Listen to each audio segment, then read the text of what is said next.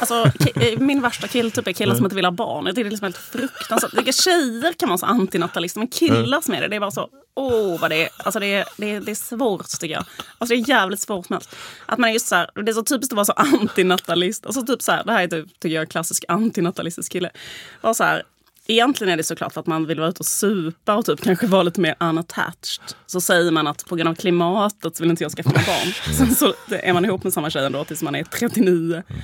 Hon får ingen barn då, sen lämnar man henne när 23 år. Helt Plötsligt så kändes det rätt okej att få barn när man var 46.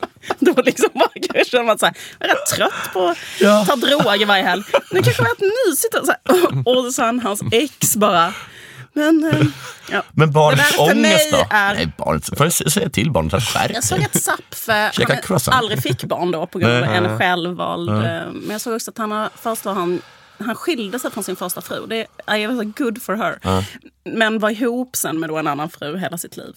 Och den frun, du vet. Vad fan hade det gjort ifall de fick ett barn? Det var kul för henne om hon nu ville det. Men jag tycker också så att kvinnor som inte vill ha barn kan man ju förstå. För det är, så här, det är mycket jobbigare att vara gravid. och allting. Men kille, vad fan behöver en kille göra för att få ett barn? Liksom, absolut ingenting. Och det kan man inte ge någon. Liksom. Bara för att man måste hålla på med så jävla ångest. Ja, fy fan. Nej, det är bra. fruktansvärt. Så nu har vi cancelat alla Giacomos favoritfilosofer.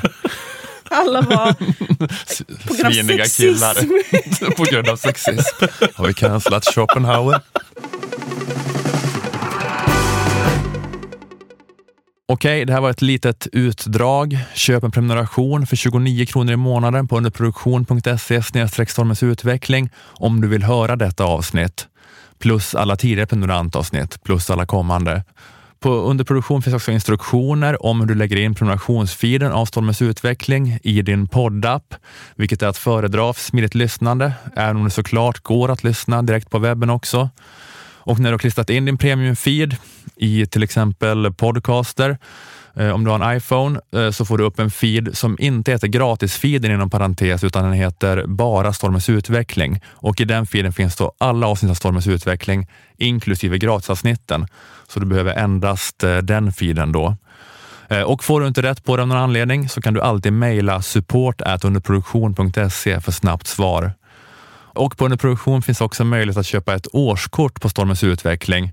Eh, antingen till dig själv om du av någon anledning inte gillar månadsprenumeration eller så kan du ge bort det i present till någon.